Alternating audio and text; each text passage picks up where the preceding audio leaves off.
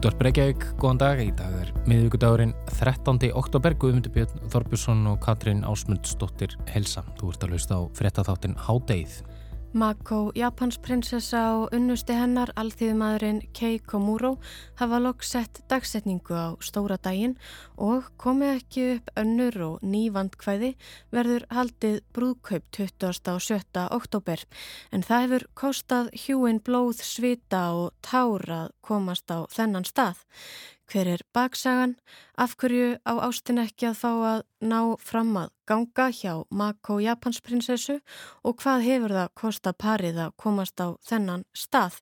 Við ræðum við Kristínu Yngvastóttur, lektor í japanskum fræðum við Háskóla Ísland sem japansku keisarafjölskylduna og krísurnar í setni hluta þáttarins.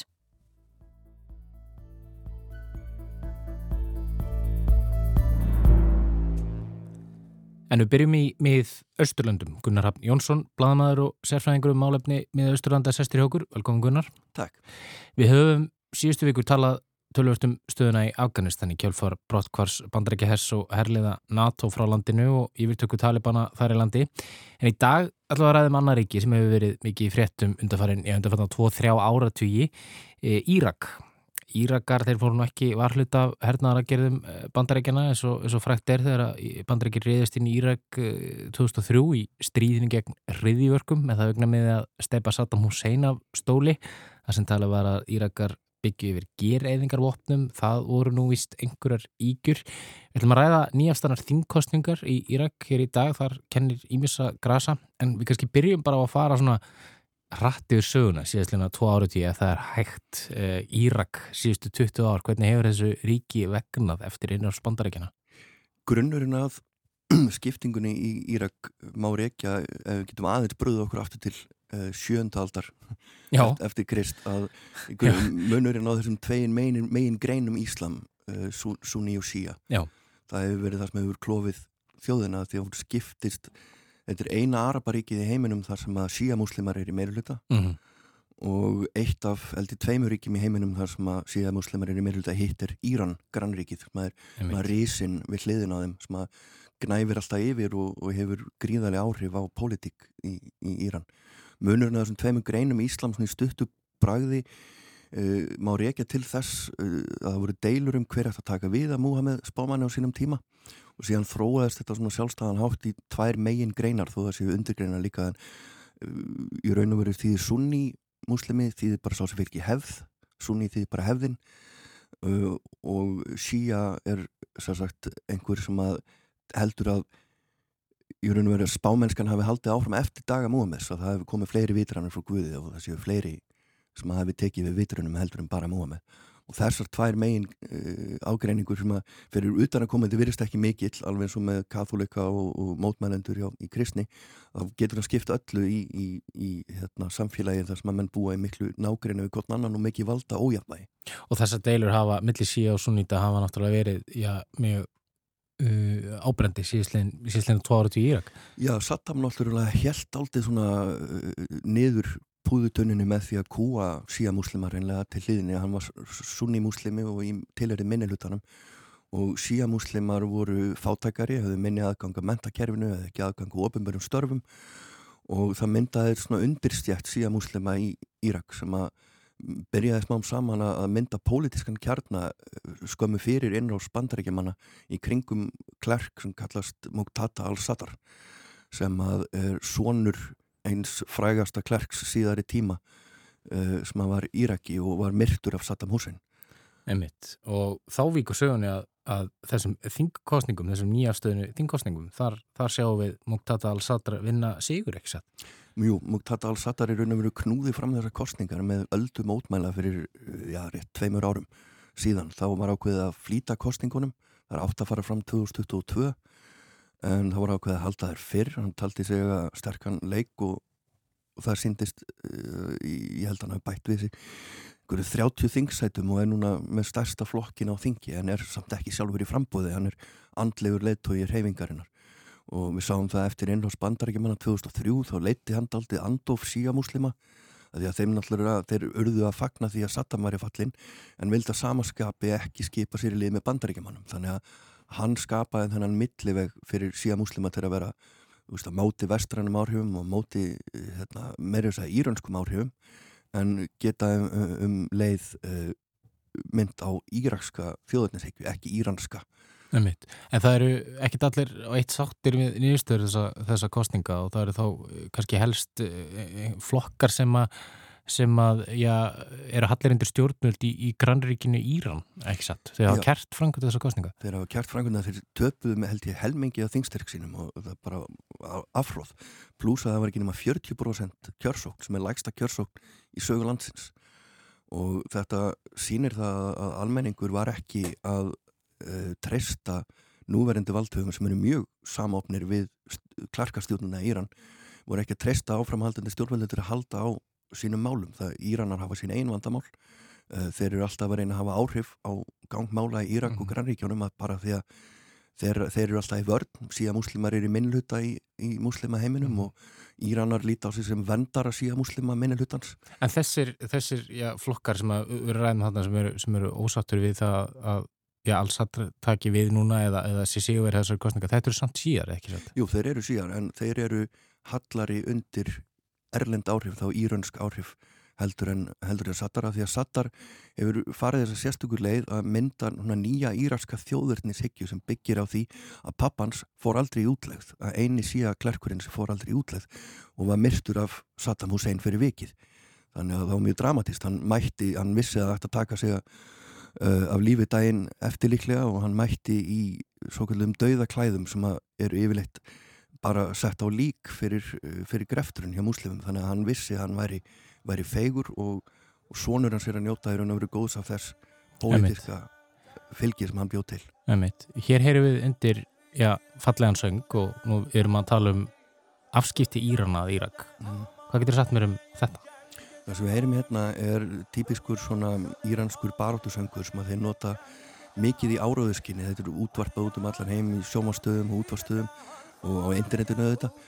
Uh, þetta er gert til að minna á píslarvætti, þetta er, er arfleð frá stjórn Komenís og frá Írak, Íranstriðinu sem að gleymist oft að Íran og Írak börðust í átta ár sem miljón, halv miljón minnstakosti manna fjall í valin aðalega ungir íranskir menn sem voru sendir með svona söngva í hausnum og syngjandi jáfnvel uh, út í opinn döðan, þetta var eins og í fyrri heimstyrjöldinni, það, það voru hjaðninga vík menn gengur bara í opinn döðan og það voru skotgrafir og, allt slíkt. Þannig að Íranar og Írakar eiga mjög erfiða og blóðu og sögu þrátt fyrir að, að deila í raun og veru sömu trúabröðum að miklu leiti að þá e, eru til dæmis Íranar ekki arabar, þeir eru persar mm -hmm. og, og, og það er laung saga þar að baki líka.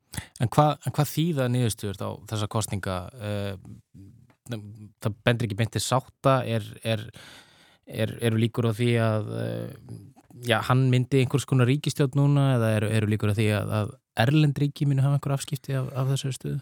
Erlend ríki náttúrulega hafa miklar ákveð, bæði bandaríkjumenn, Íranar, Sátar, allir þessir valda spilarar sem er búin að gera lífið svo leitt fyrir Íraka svo lengi með því að vera að nota þetta sem, sem leikvöld fyrir svona realpolitík og, og, og hérna, valdapolitík þeir eru eftir að halda áfram en, en það sem Írakar voru að segja með þessum kostninguúslutum er nei, við ætlum ekki að fara í eitthvað leik með Íran, ætlum ekki að fara í einhvern leik með vesturveldunum, við erum Írakar við, við erum fara hver eigin leið og lítið út fyrir að Muqtada al-Sattar verði maðurinn sem ræður hverju verði næsti fórsetis á þeirra og viðkomandi verður þá vantarlega uh, daldi hallur undir hann. Emitt, og svo kannski bara alveg lókin Gunnar, uh, þá voru gerðar einhverjar umbætur uh, eða einhverja lagabreitingar á sín tíma sem að, sem að bættu stöðu hvernig, ekki satt? Jú, núna í þessum kostningum þá var treyður, það voru einhver 20-30 þingsæti treyð konum, þannig að þá eftir að sjá hvernig það gefur sig, en það eru jákvæðar breytingar allir, allir getið tekið undir. Það getið allir tekið undir það og, og við höfum nú verið að ræða einmitt um stöðu hvernig í, í nágrannaríkinu Afganistan að undanföldnu. Eh, takk fyrir komin að háttegið Gunnar háttegið snýraftur strax á loknum háttegsettum og þá ætlum við að bregða okkur til Japan og fjalla um já, hjónalíf prinsessunar. Það lítur allt út fyrir að brúköp Mako Japansprinsessu og unnusta hennar, alþýðumannsins Keiko Muro, fái að verða að veruleika. Eftir erfiðleika, fjölskyldu erjur, peningamál, fjölmiðlafár og áfalla streytur öskun hefur parið, sem er kallað Harry og Meghan Japans, ákveð dagsetningu. En hver er Mako Japans prinsessa á unnusti hennar? Hvers vegna er ekki hlaupið að því að þau fá að ganga í það heilaga? Hvernig kemur hinn meikilsverða keisarafjölskylda og krísur hennar innan hennar að málum? Kristín Ingvarstóttir, lektor í japanskum fræðum við Háskóla Íslands, sýtur fyrir sörum. Hinn 29 ára Mako Japansprinsessa, barnabarn fyrverandi Japanskeisara og frænka núverandi keisara fann ástina á skólabekk en hún og unnustennar alþýðu maðurinn Keiko Múró kynntust þegar þau voru bæði nefendur við sama háskólan. Ástir tóku fljótt með þeim, hún segir hann sólina í lífi sínu og hann segir hanna tunglið og árið 2013 baðanennar. Á bladamannafundi árið 2017 tilkynnti Paris og um trúlofinina sem hafi þá hlotið blessun keisarans. Þá var ekki eftir neinu að býða og hald átti brúðkaup strax næsta ár, árið 2018, en ekkert varð svo af því. Kristín Ingvarstóttir útskýrir betur hvers vegna. Þetta er búið að vera stort fjölmiðlamál í Japan. Þetta er orðið í árum talið, þess að þau lýsa því yfir 2017 að þau ætla, ætla að gifta sig og til að byrja með er bara mjög mikil ánægja með þennan ráðahag. Þetta er allt saman, þau kynntust í háskóla, eru búin að vera lengi kæristu par og svona þau hrifur svolítið þjóðina með sér þegar þau lístu þessu yfir að þau bara væru ástfangin og ætlaði að gifta sig, fengu mikinn meðbyr. En síðan kemur upp úr krafsinu eftir ákveðin tíma að það er svona hálgert sko ekki mikið á allan almennan mælikvarða, ekki mikið fjármála nextli en það eru svo sagt, óuppgerð peningamál í fjölskyldu uh, Komurós sem snúast um það að móður hans var í sambúð og var trúlofuð og sambílismæður hennar lagði fjölskyldunni til um það byrj fjórar miljónir japanskra jena. og það var skilningur fjölskyldunar að hann sem nýr meðlumur í fjölskyldunum væri að leggja þetta inn í bara rekstur heimilisins En síðan eftir að þau slitu sambúð þá sagt, vildi eiginmaðurinn meina að þetta hefði verið lán og að það bæri að, að endur greiða. Þarna svolítið leggur nýfurinn grafin og þetta mál er, þó manni, syns, þetta er einhvern veginn bara personumál og hans, í rauninni hans personu og, og námsferðli og starfsferðli og öðru óviðkomandi en þetta var resa fjölmjölamál og og ykkur neginn sko strax þá byrjuði að koma upp ykkurar spekulasjónir um hvort að hann kannski bara mögulega væri að gifta sig til fjár og alls konar kenningar settar fram. Er þá svona mikil skömm af fjármála? Já, eða sko bara þeir sem að það er, það er svo mikil pressa á bæði meðlum í keisarfjölskyldunar og þá aðeins sem þeim tengjast að vera bara með algjörlega hreinan skjöld. Og þessi óuppgerðu mál sagt, móður hans og hennar fyrir sambilismanns, þetta er bara ára gamalt, þetta bara þótti flekkur á hans bakgrunni og hans sögu og skyndilega það verður þarna algjör viðsnúningur og þau sess að höfðu bara fengið eins og ég, sagði, eins og ég nefndi á hann, bara mikinn svona meðbyr með sér að þá bara í rauninni gangaðu svolítið á vegg og þetta sumuleiti hefur bara eld þau allar götur síðan og sérst út af þessu máli þá var brúðköpunu frestað og, og svo hefur náttúrulega verið COVID og þetta hefur svona allt saman bara rúla svolítið áfram.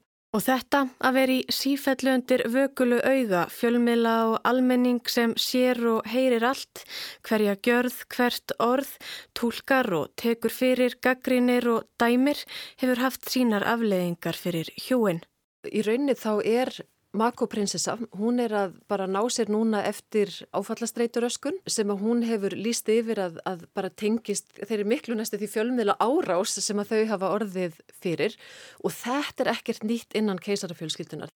Fjölmiðlar fylgja hverju einasta skrefiðra og til dæmis bara mjög nærtækt dæmi eru til dæmis að þá er núverandi keisarinja. Hún hefur átt við langvarandi geðræn vandamála stríða og það er í rauninu orðið bara aksepterað innan Japans að að þau komi ekki fram sem hjón eins og fóreldrar keisarans gerðu, heldur kemur keisarin mikið fram einn vegna þess að konarnas bara reynilega treysti sér ekki í þessar ofinbyrju skildur og gamla keisarinjan sem er núna keisarinja Emeritus, sest í Helganstein, að hún til dæmis þótt að hún hafi verið gífurlega vinsæl. Það var kallað Michi Boom í Japan, það var, það var algjört, bara svona hálgjört eins og Kennedy æði í Japan. Það vildu allir líta út eins og hún, klæða sig eins og hún, hún var gífurlega vinsæl.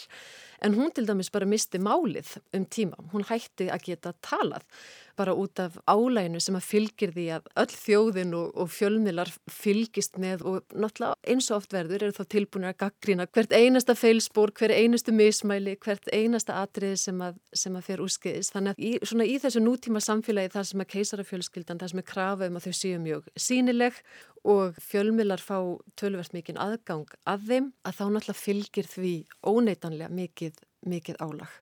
Og allt þetta og meira til hefur leitt til þess að brúðkaupið hefur frestast og aftur frestast. En nú loks í oktober 2021, nánar tiltekið 20. og 7. oktober, á stóra stundin að verða að veruleika.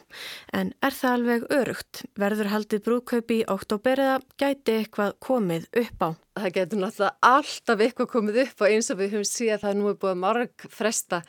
En það kæmir mér mjög óvart ef það, að, að því er þið frestað aftur. Það er búið að lýsa yfir að þetta verði sem sagt 27. oktober. Það er búið að taka tillit til aðstæna, það eru þingkostningar nokkrum dögum síðar. Það er náttúrulega, COVID er ekki horfiður í japansku samfélagi þannig að þetta verður lítið brúðkaup. Það er ekki skipuleg neinstór veistluhöld og þetta verða ekki svona þessi miklu hefðbundnu brúðkaup eins og týðkast í keisarfjölskyldunni. Þau munu bara skrá sig í hjónaband og munu síðan halda bladmannafund hljómar kannski ekki sérstaklega romantíst en þetta er algjörlega þarna bara verið að gera þetta eins praktíst og hægt er. Þannig allavega útfæslan virðist vera þannig að það ætti að vera mjög lítið sem að geti hindrað að þau einhvern veginn komist á ráðhúsið eða hvers sem þau nú fara og, og skrá sig í hjónaband. Þa, það þarf allavega ansi mikið að koma upp á til að, að þetta verði nú ekki í þetta skipti Góðir hlutir gerast hægt, sagði einhver einhver tíman og það á vel við í þessu tilviki. En Kristín segir að fleira skipti máli og komi við sögu í þessu tilfelli. Það sé mikilvægt að horfa á samhengið og sögu japansku keisarafjölskyldunar. En það sem að síðan er áhugavert við þetta, það er kannski það aðeins líka þetta kerfislega á bakvið keisarafjölskylduna, að það er þannig innan japansku keisarafjölskyldunar að stúlkur eða prinsessur giftast út úr fjölskyldunni en drengir eru áfram innan fjölskyldunar. Þannig að hún sést að með því að giftast þá er hún að yfirgefa keisarafjölskylduna og þá spyr maður sig sést að þegar hún er að yfirgefa keisarafjölskylduna og verður bara í rauninni almenningur eftir það hafa þá allir rétt á því að, að vera að skipta sér af því hverjum hún giftist en þó að hún giftist út þá náttúrulega verður hún samt áfram sérst, hún er stóra sýstir, hún er elsta sýstir verðandi keisara yngri bróður hennar, Hisaito prins sem er núna 15 ára hann er dýrmæta barnið í konungsfjölskyldunni sem er, hann er eini sonurinn af þessari kynnslóð Hann ásins að sex frængur, það er engin skortur á prinsessum í fjölskyldunni en hann er eini drengurinn og, og þannig að þetta er svona þessar tvær hliðar á málinu að hún annars vegar er að fara út úr keisari fjölskyldunni en hún er náttúrulega gífulegri nálægð við verðandi keisara.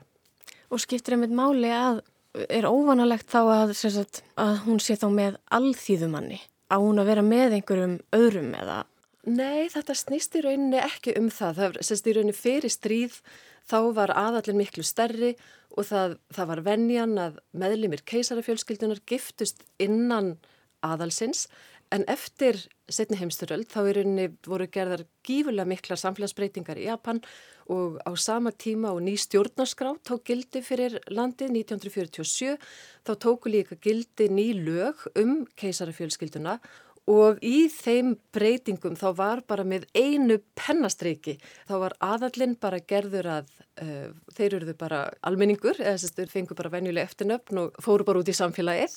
Þannig að með því aflæðist líka þessi hefð að, að giftast innan aðals. Og þess að gömlu keisarahjónin Akihito og Michiko þegar þau giftu sig árið 1958 þá var það alveg meiri hátta máli í Japan vegna þess að þá var það fyrsti japanski keisarin sem að giftist alþjóðustúlku. Það var reyndar ekkert sérstaklega alþjóðlegt við hana. Hún var af algjöru efnahagsveldi í Japan. En þetta var náttúrulega, sagt, var mjög stórt skref og síðan þá hefur það týðkast að meðlemið keisarafjölskyldunar að þeir giftast bara út fyrir fjölskyldun og út fyrir þennan gamla aðal. En einmitt, hvað gerist þarna eftir stríðið? Af hverju er ákveðið að minga fjölskylduna og, og hvernig er það gert? Þetta eru kannski nokkrið þræðir sem að líka hérna saman. Með nýju stjórnarskráni 47 verður Japan líðræðisríki og bara alveg afvopnun á Japan á sér, á sér stað og þetta er bæði hluti af þessu svona líðræðisferli að minga þennan mikla aðal sem að þetta voru bara stóra rættir og margt fólk og að einhverju litir kannski líka sparnaraðgerð og með þessu að þá voru svona 11 armar af keisarafjölskyldunni sem bara með einu pennastriki urðu bara almennir þegnar. Það eru nokkrar breytingar til viðbútar mjög mikilvægar og afdrifaríkar fyrir fjölskylduna sem að verða með þessum breytingum 47 og það er sem sagt að bara skýrt og skórinort fyrsta grein nýju lagana segir að þeir sem geti ert keisaritegnina séu drengir úr karlæg fjölskyldunar. Og Þetta er í rauninni nýtt. Þetta er elsta keisara eða, eða konungalína sögunar og á þessum langa, langa tíma þá hafa Japanir átt sem sagt átta keisara innjur og það er bara eitt dæmi um það að keisara innja hafi tekið við í kvenleg eða hafi tekið við af, af móður.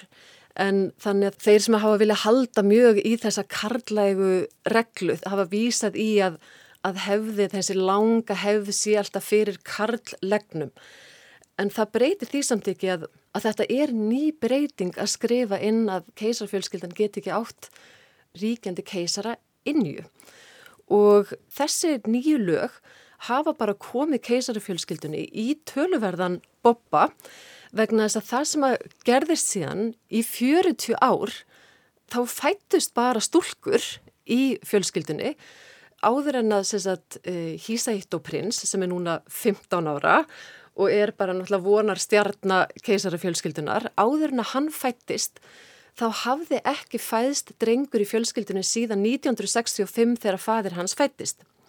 Og það var mjög áhugavert að fylgjast með því í kringum árið 2005 áður en að hann fættist að þá stóð til að breyta þessum lögum. Þannig að eina dóttir núverandi keisara gæti orðið keisara innja og þar með haldið sagt, við haldið uh, keisarafjölskyldunni.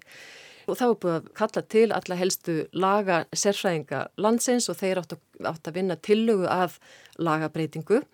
En síðan 2006 þá fæðist prinsinn. Þannig að þá bara sérst var öllum áformum lagabreitingar, þær fóru bara ofan í skuffu og það mál hefur ekki verið rætt mikið undanfarið en er í rauninni, í rauninni mikil synd vegna þess að fjölskyldan heldur áfram að minga, erðakrísan er engan veginn leist og það sem er kannski mikilvægast af öllu það er að rúm 80% japansku þjóðarinnar það var fullkomlega stutt þá breytingu að stúlkur geti líka orðið keisara enjur. Þannig að, að þetta er breyting sem að bæði er þörf og nýtur bara mikil stuðnings almennings. En líkt og Kristín bendir á má ekki gleyma því að þetta er á endanum pólitíst mál sama hvað almenningi kann að finnast. Áður var það þannig að það var bara keisarinn sjálfur sem að gatt breyttu lögunum um keisarafjölskylduna en með þessum breytingum sem urðu eftir setni heimstyrjöld þá heyrir allt varðandi keisarafjölskylduna heyrir undir stjórnaskrána og breytingar og lögunum þær verða í þinginu. Það er japanska þingið sem að getur breytt þessu en þá skulum við ekki gleyma því að, að cirka 90% japanskra þingmanna eru eldri karlmenn og eins og hefur oft verið bent á bara í breyðara samhengi varðandi jafnbreyttismál, kynjajafnbreytti í Japan að þá er þetta kannski ekki hópur sem er mjög líklegur til að leiða miklar breytingar. Segir þetta okkur eitthvað um líðræði? Eða viljið þjóðarinnar er svona skýr en þingið er ekki að svara því, er þetta á fleiri sviðum? Já, það, það, það koma alltaf upp mál reglulega þar sem að í rauninni stjórnmálinn þróast ekki í takt við, við vilja þjóðarinnar. Háttegið verður ekki lengra í dag, við erum hér aftur á sama tíma á morgun, verið sæl.